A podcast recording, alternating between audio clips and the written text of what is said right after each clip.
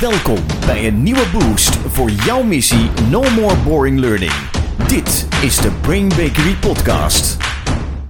Sjane en Jan-Peter hier Ja. voor weer een hele nieuwe aflevering van ons podcast. Ja, Ja, en dit is wel een, eh, een leuke, want Mm. eh, waarom we het gaan hebben over het onderwerp komt doordat een van onze luisteraars daarnaar vroeg. Ja. Ja. ja, nou eigenlijk al meerdere, maar ik was niet aan het luisteren.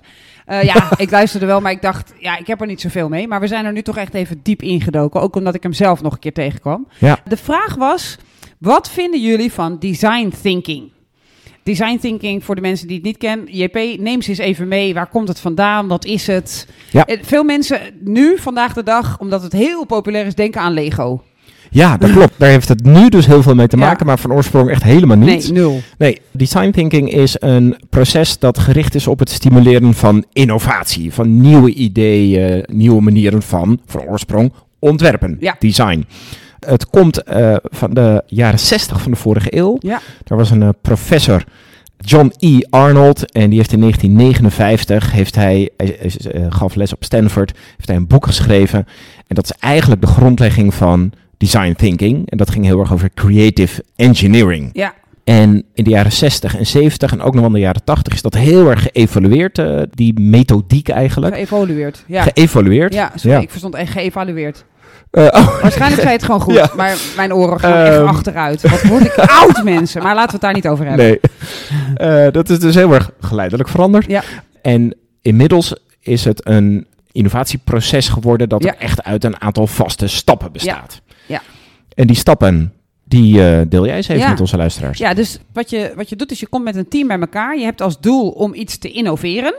En dan ga je vijf stappen langs. De eerste is empathize. En dat is denk ik de, daar zit denk ik de genialiteit van het model. Ja. Zeker voor waar het nu voor gebruikt wordt, als het niet voor engineering wordt gebruikt. En dat is empathize. En wat ze zeggen is dus, ga nou eens beginnen met die eindgebruiker, je klant voor ogen. Wat gaat die beleven? Waar zitten zijn of haar behoeftes? Welke problemen heeft die? Waar ga je, voor wie ben je eigenlijk aan het designen? En daar echt empathie voor te voelen en daarmee aan de slag te gaan. Tweede is dan define. Ja. Daar gaan ze definiëren wat is nou eigenlijk het probleem van die persoon en wat zou dan een mogelijke manier zijn om dat op te lossen. Dus dan ben je al een beetje aan het researchen, maar je bent eerst aan het definiëren wat vinden wij nou het probleem, zodat je een goede probleemstelling hebt. Dan ga je naar ideate en daarin ga je eigenlijk allemaal ideeën verzamelen. Daar ga je echt die breedte in. Daar wordt echt een brainstorm. Zou dit kunnen, zou dit kunnen, zou dat kunnen. En als je de variant speelt die nu heel populair is met Lego, ben je dan enorm aan het Legoen. Heel lekker. En, en dit is dus de fase waar die innovatie plaats zou moeten vinden. Precies, Ja. precies. En die innovatie zou dus innovatief moeten zijn, omdat je nou eens vanuit de klant bent gaan denken. Terwijl natuurlijk heel veel bedrijven, organisaties en ook heel veel trainers denken vanuit: ik heb deze werkvorm, ik heb deze dingen, dit wil ik maken, in plaats van voor wie maak ik het. Ja. En ja, dat. Dus in Ideate ga je de breedte in, veel eh, dingen doen. Vervolgens ga je natuurlijk iets kiezen en dat ga je dan prototype. Je gaat dat maken, je gaat dat designen, je gaat het maken. Eh, en dan ga je kijken hoe goed werkt dit. En dan vervolgens ga je het ook nog testen. En dat is de vijfde stap in het proces. Kijk, dat is wel lekker. Eigenlijk een soort stappenplannetje. Het menselijk brein vindt dat natuurlijk Ja, inderdaad ja, heel fijn. precies. Dus ik kan me voorstellen dat een deel van de aantrekkelijkheid van design thinking daaruit voortkomt. Ja. Ja, dus in deze podcast proberen we een antwoord te formuleren op... is dit nou een super waardevol proces? Ja. Ook voor L&D'ers uiteraard, Ja. van, daar maken we deze podcast voor. Of is het een overgewaardeerde hype en moet je er nooit meer wat mee doen? Ja. Nou, daar, daar gaan we eens eventjes Ja, induiken. laten we erin duiken. Laten we eerst even inderdaad naar de oorsprong van de design thinking kijken. En dat zei je net al, daar zit iets heel waardevols in. Ja. Dat is die eerste stap, dat empathize. Ja. We hebben natuurlijk ook in een eerdere podcast hebben we het gehad over small data versus big data. Over je echt goed inleven in je klant. En ik denk dat als we kijken naar de wereld van L&D, dat we inderdaad veel zien. Er moet een training komen, dit is het probleem. We gaan nu een training ontwerpen met werkvormen en content. En dat is het. En dat er dus veel te weinig... In die wereld van die deelnemers stappen. En ik denk dat dat niet een L&D trainersziekte is. Nee, Maar ik denk dat het een ziekte is van iedereen. Ik denk dat dit daar een antwoord op probeert te geven. Je hebt natuurlijk Ja. ook reverse thinking van André Wieringa, die daar eh, de wereld mee eh, verovert. En die gaat ook over, begin nou eens bij die klant. Maar je hoort natuurlijk al jaren, hè, de klant centraal. Ik denk dat, dat als je zou zoeken naar termen die gaan over... laten we nou eens beginnen bij de, de patiënt centraal. Laten we nou eens beginnen bij de eindgebruiker van ons product. Dat dat altijd een struggle is voor mensen om daar naar toe te gaan. En ik uh, denk dat design thinking dat heel goed doet. Ja. De vraag die het natuurlijk ook oproept is... Wat ik nu massaal zie en al jaren zie is... oké, we gaan nu 200 man door een design thinking traject heen halen. Ja. Ja, die mensen, heel eerlijk, komen allemaal terug met... wauw, wat leuk, ik mocht een dag met Lego spelen en wat een leuke ideeën. Maar uiteindelijk gebeurt er niet zo, nee. heel veel. Nee, ik, heb, ik ben zelf een van die mensen geweest. Ik werd er uh, een van mijn vorige werkgevers een keer doorheen gehaald. op, een, op, op zo'n bedrijfsdag. Ja. Van dat is dan leuk, leuk. en leerzaam. Hè? Ja. En dan kun je de kosten ja. aftrekken. ja, precies. uh, dus de, de, natuurlijk werd het wel uitgelegd, maar je had wel echt het gevoel op een gegeven moment, nou, we zitten lekker met Lego te spelen. Ja. En natuurlijk was wel wat context gecreëerd, maar ja. ja het was en werd dat dan teruggerapporteerd dat je drie maanden later hoorde van, nou, deze innovaties zijn het geworden en daar hebben we dit mee gedaan. En dat heeft ons zoveel nieuwe inzichten opgeleverd en nieuwe klanten en nieuwe revenue stromen. Nul. Oh. Niks. Ja. Nee. Nee, jammer hè? Ja. Nou, dat is natuurlijk geen wetenschappelijk bewijs. Dat is Nee. anekdotisch bewijs, maar dat merk je wel veel. Maar er- over bewijs gesproken, jij bent erin gedoken. Ja. Is er bewijs dat er meer innovaties komen als je design thinking inzet? ja, dus ik ben inderdaad, ik ben echt grondig gaan zoeken. Ja. In allerlei publicaties, eh, blogs, artikelen, wetenschappelijke onderzoeken. En de conclusie is Rappapa! dat er nul wetenschappelijk bewijs is dat via design thinking innovatie wordt gestimuleerd. Wauw. Nul bewijs. Dus er is er, oké, ja. Nou, daar, ik kan daar een soort samenvatting van Ja. proberen te maken, maar Het is het gewoon nul. Nee, nee, en wat wel grappig is in mijn zoektocht, merk je dat heel veel mensen op zoek zijn naar. Is er dus aantoonbaar bewijs? Ja. Oh, oké. De, zoek, Ja. de zoekterm wordt heel vaak Ja, ingezocht. de zoekterm, Oh, je is ziet wel heel veel artikelen erover. En, en in het begin dacht ik, hey, volgens mij heb ik hier wat bewijs gevonden. Ja. Maar toen bleek dat toch een heel intelligent klinkend artikel te zijn van een bedrijf, één keer raden, dat design thinking aanbiedt. Oh, Ja. Het werkt, zeiden zij. Ja, precies. Ja. Oh, zonder zonder eh, empirisch, empirisch onderzoek. Ja, Er is geen empirisch bewijs voor dat het iets Werkt. oplevert op het gebied van innovatie. nee.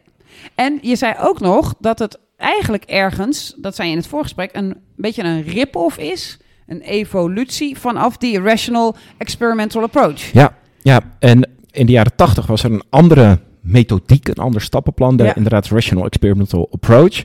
En dat eigenlijk is het een soort, is design thinking een soort kopie van elkaar. Hoewel design thinking van oorsprong natuurlijk eerder is ontstaan, Ja. hè, jaren 60. Maar in die evolutie, Ja. in die eh, decennia daarna, zie je dat ze heel veel elementen van deze approach hebben overgenomen. Ja. En dat het daarmee dus is die hele design thinking approach is dus wat minder innovatief dan het lijkt. Want ze hebben gewoon elementen van andere dingen overgenomen. Ja. Ik denk, wat maakt het aantrekkelijk? Laten we daar eens even een, een lijstje van maken. Want het is een Ja. buswoord. Iedereen heeft het inmiddels wel een keer gedaan. Ja. Er zijn nu ook nog organisaties die denken, we gaan ook massaal teams er doorheen halen. En wat er dan vaak gebeurt, is dat teams vinden het leuk. Volgens mij is dat een van de redenen. Ja. Iedereen die eruit komt, die denkt, eh, dit was leuk. Lekker met Lego. Lekker even een beetje sparren over het werk. Is op een andere manier. En dat spelen, dat met die handen werken, daar hangen ook veel design thinking bedrijven die daar hun Ja. geld mee verdienen iets aan op, hè? ja, er is dus een theorie waarvan ik dus niet heb kunnen vinden of die nou eh, wetenschappelijk onderbouwd is. Ja. De theorie is dat wat je doet met je handen, dat dat voor 70 tot 80 procent direct connectie heeft met je hersencellen.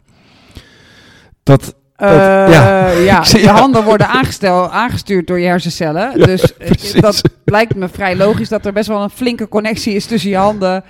Ook bo- bovendien Ja. zijn het ook nog vijf vingers die ook nog echt heel veel movements moeten kunnen maken. Dus de connectie tussen je handen en hersenen lijkt me 100. vrij evident. Ja. Maar ze noemen, ze noemen het hand knowledge. Hand knowledge. En dat betekent dat dus wat je met je handen doet, dat zich dat een soort verdisconteert in kennis naar je hersenen. Oké. Nou, je hoort ook al aan mijn stem. Ik heb Hmm. daar best wel wat sceptisch Ja. over. Maar ik zag hem best heel veel terugkomen. Ja. Maar ik heb er nogmaals geen wetenschappelijk bewijs voor Nee. gevonden dat dit echt zo is. Maar dat, dat wordt dus vanuit de industrie als een argument Gebruikt. pro eh, wat gebruikt. Ja. Dat, dat is wel heel leuk, want ik heb eh, eh, van de week een heel ander pad bewandel ik even, maar over bewijzen vinden. Mhm. Je ziet overal, als je gaat googlen, hoeveel hashtags moet je gebruiken op Instagram. Ik had namelijk een discussie met iemand dat ik zei, haal die hashtags eens weg, joh, één of twee is toch genoeg? En die zei nee, het is wetenschappelijk aangetoond dat het elf is. Oh. En toen dacht ik, potverdorie, dat hoor ik al drie jaar. Het kan toch niet dat Instagram nog steeds 11 promoot, omdat dat zou er een. Dus ik dacht, ik ga daar induiken. Ja. En ik ben helemaal erin gedoken. En ik heb een, uiteindelijk een podcast gevonden van iemand die er nog dieper ingedoken was dan ik. Dus die heeft mijn werk voor mij gedaan. het is natuurlijk altijd fijn om iets te vinden dat iemand al gedaan heeft. Ja. Die laat dan allemaal links, het was een podcast ook op YouTube. Die laat allemaal links zien waar die op kon klikken. En uiteindelijk was de eindlink, kwam uit 2013. En die adviseerde, alle links daarvoor Mhm. zeiden 11, 11, 11, Mhm. 11. En die adviseerde 9 in 2013. Dat is echt heel lang geleden. Ja, Zeker in de wereld van marketing. In, in ja, social media Ja. land, waar TikTok is opgezet. Andere eeuw. Ja. Echt een andere eeuw. Ja. En die, en, maar ook zij hadden geen wetenschappelijk bewijs waarom dat werkte. Dus er is een soort rabbit, er is een soort, we kopiëren alles van Ja. elkaar. Ik zie een kans om er rijk mee te worden of mijn boterham mee te verdienen. Ik ga gewoon lekker design thinken. Ja, dus, en er is hand knowledge. ja. Kijk, muscle memory, dat is volgens mij wel aangetoond. En dat weet ik ook nog, want ik heb heel veel, ik kwam uit de bollenstreek, heel veel bollen gepeld. Ik kon op een gegeven moment vijf tulpenbollen met één hand pakken. En die dan ook met die andere hand eh, pellen. En ik zou nu, als je nu tulpenbollen, ben ik misschien iets roestig. Maar die, die handbeweging die ik daarbij maakte, die is dan gelijk weer terug. Ja. Dus, maar dat, heeft dat is, niks dat met is niet. Nee, nee. dat is nee niet dit gaat echt uit van het feit van nou, je, je hersenen kan maar hè, via woorden en dat soort dingen kan maar zoveel informatie verwerken. Ja. En als je dat dan met je handen doet, kunnen je hersenen dus meer informatie verwerken. En word je dan dus innovatiever en krijg je andere ideeën. Nou, Ik geloof wel dat het bewegen helpt om Ja. tot eh, stilzitten creëert niks. Nee. Dus ik geloof wel dat bewegen helpt, maar hand knowledge, nou, ik zal hem eens gebruiken ergens. Nou, volgens mijn hand knowledge is dat gewoon onwaar wat jij hier en zegt. waarschijnlijk als we dit dus een paar keer gebruiken en delen, over een jaar of acht, Kun je hoor je dus terug overal... ja. Het werd ooit in een podcast Ja, gebruikt. Ja. Ja. Oké, dus waarom is het zo aantrekkelijk? Ja. Ehm, nou ja, het is aantrekkelijk omdat het leuk is, omdat het omdat de basis ervan, hè, dat, dat empathize natuurlijk gewoon een heel goed uitgangspunt is. Begin En wat nou ik denk de dat lekker is, Ja. ik noemde het al even, het is een stappenplan. Ja. En mensen, wij trainers weten dat. Tra- mensen houden van modellen, van stappen, Checklist, van, van top drieën. Ja. Eh, want het leven is al zo chaotisch, dus alles dat een beetje structuur biedt. Hé, lekker. Ja. En als ik dan dat vaste stappenplan volg, dan innoveer ik kennelijk. Ja, ja, ja, precies. Er zit ook een kleine contradictie in. ja, klopt, ja. ja. En wat ook nog wel een argument is waarom het aantrekkelijk lijkt, en dat is gelijk kritiek. De vijf fasen zijn zo gedefinieerd dat je als degene die dit doet, Ja. altijd het gevoel kunt hebben, ik ben nu lekker bezig in deze fase. Hè? Dus het is een beetje abstract. Ja. Dus je kunt als deelnemer zeggen, nou, ik, ga, ik ben nu dit goed aan het doen, ik ga nu door naar het volgende. Waardoor je als deelnemer denkt, wat ben ik goed lekker. bezig? Maar het is dus ook kritiek, want doordat het niet heel scherp is gedefinieerd, werk je dus ook niet toe naar een hele scherpe uitkomst. Nee. Dus, Dus- het is los genoeg om lekker vrij uit te Juist. gaan. En het is vast genoeg om te denken, wat, een- ik ben lekker stappen aan het voeren. Ja. Dat is heel goed. Er komt Ja. een prachtige innovatie uit. Ja. Oké. En toen kwam daar in de jaren negentig, kwam daar dus Lego bij. Ja. Dat is echt helemaal een trademark geworden, het Serious, eh, serious Play met Lego. Ja. En dat is dus gebaseerd op eh, onder andere dat werken met je handen. Ja. Dat is een enorme business eh, Ja. geworden nu. Daar moet je echt licenties voor hebben om dat dan te mogen doen. Dus dat klinkt heel aantrekkelijk. Maar ja, het is denk ik ook wel gewoon een goudbijntje voor bedrijven. Want wat ik me dan afvraag, hè, want jij hebt het gedaan. Ik heb het alleen gezien als dat, ik, dat het op een congres of ergens gebeurde waar ik ook sprak. Stel je voor, ik werk op de klantenservice. En op de klantenservice krijg ik allemaal telefoontjes, ik krijg allemaal mailtjes. En dan moet ik allemaal een soort beantwoorden. Hè? Dus ik ben de after sales of whatever. Ik beantwoord vragen van klanten van waar is mijn pakketje of weet ik veel wat. En ik ga in zo'n design thinking workshop. Dan is dat Lego. Ja. Dus ga ik dan zeggen, nou, dit stukje is een mail die binnenkomt van een klant? Of hoe... Nou, ga je ook dan die mail nog... Hoe, wat? Hoe, Vaak, wordt, vaak is de vraagstelling is in de trant van... Bouw nu iets met Lego dat bijvoorbeeld symbool staat voor hoe wij het zouden willen hebben. Of voor hoe het proces zou moeten zijn. Of hoe de meest tevreden klant eruit ziet. En Ja. dan gaat dus de bedoeling je creativiteit aan door te zeggen... Nou, ik gooi dit element in mijn bouwwerk. Van dat staat ervoor dat Ah. ook al heeft de klant een betalingsachterstand en is er een probleem. Dan nog gebeurt er altijd dit. Ja. Dus dat is de manier waarop je dus, en dus een deel van de vreugde van het spelen ontstaat ook dat je zegt... Zullen we afspreken dat dit blokje dan een boze mail Ja. is? Oh, Ja. oké. Ja. Ja, dus dat is wel leuk. Ja, Maar het is dus ook heel abstract. ja. En En je En- staat dus met legertjes in je hand. Je bent niet de mail van de klant aan het lezen. nee, nee. En, je haalt, en, put dat uit herinnering. en dus dat- vooral in die ja. massaliteit merk Ja. je dat natuurlijk de, de diepgang van die ideeën, hè, hoe doordacht ze zijn, ja. dat daar natuurlijk wel vrij veel Mm. beperking aan zit. Mm. En, en stel dat iemand luistert en die denkt, ja, maar toch wil ik het. Ja, Zeggen we dan, dan moet je het alleen doen als je gewoon een leuk dagje uit met de stichting wil en je wil gewoon lekker daar. eh, Of is er ook nog een, een eh, hè, want, want het is een leuke variant als iemand het nog nooit heeft gedaan, hartstikke leuk om te doen, leuk experiment. Je krijgt er positieve gevoelens van. Het levert niet echt iets op, maar het levert ook niet niets op en je krijgt toch een 8 of een 9 misschien voor de dag. Of is er ook nog een, een doelgroep waarvan je kunt denken, ja, daar zou ik het nou een keer mee doen. Als je, als je hier tegenaan loopt of als dit de omstandigheden zijn, dan is een design thinking workshop echt top. nou, ik denk, het, je, hebt, je hebt natuurlijk design thinking en je hebt design thinking met Lego. Ja. Ik denk dat als je die eerste fase, dat empathize, Ja. ik denk dat die heel waardevol kan Ja. zijn. Voor, Waar we het ook over gehad Ja. hebben met small data. precies, Ja. voor ongeveer elke doelgroep. Ja. Dus als we kijken naar onze Waarom? Waarom? Voor elke doelgroep? Omdat, wat jij ook al zei, ik denk dat te veel mensen uiteindelijk als je een tijdje ergens werkt of een tijdje een bedrijf hebt, dat je uit het oog verliest wat is de Voor- echte impact van onze dienstverlening of onze producten bij onze eindklant. Ja. We, we vallen allemaal in de trap dat we zes afdelingen hebben. Dus moet er eerst een mail naar die, naar die. Ja. En dus krijgt er een soort ingewikkelde structuur. En dat gaat die klant uiteindelijk voelen. Nee, dan Ja. moet u bij die afdeling zijn. Wat je nooit wil zeggen tegen je klant. En ineens hoor hoor je mensen van jouw bedrijf dat soort dingen uitspreken. Dus ik denk dat dat enorm waardevol is. Ja. Wat volgens mij ook heel waardevol is, is dat je eens uit je groep van deelnemers of medewerkers, dat je daar eens ideeën uit laat komen. Dus het Eh. luisteren naar je hele doelgroep in plaats van alleen maar... We hebben hier twee knappe koppen die zitten op innovatie, Ja. die moeten het doen. Maar eens even de hele community betrekken. Ja. Waar waarschijnlijk ook hele gave ideeën leven. Alleen die voelen zich geen innovator, dus misschien brengen ze hem niet eens. Ja. Dat kan ook helpen. Mooi. Maar dan zou je het dus ook af kunnen doen met een wat gestructureerde brainstorm sessie. Ja. En hoeft het niet per se een met license, label. een design Ja. thinking proces te zijn waarvoor je een de gediplomeerde begeleider inhuurt. 3D Nee. geprinte Lego Nee, blokjes krijgt. Nee. Ja, ja. En als je dus met Lego wilt spelen, ik zou zeggen, want er is dus ook geen bewijs dat het schadelijk is. Nee, Dus ik zou Koop zeggen, als je met mensen met Lego. Wilt spelen, laat ze lekker met Lego spelen. Geef ze daar een goede opdracht bij. ja. Want het levert geen schade op als je dus de context goed neerzet. Want je vroeg net aan mij, omdat ik dat een keer heb gehad, en wat is ermee gebeurd? Nou, niks. Ja, als je wel die verwachtingen creëert, ja.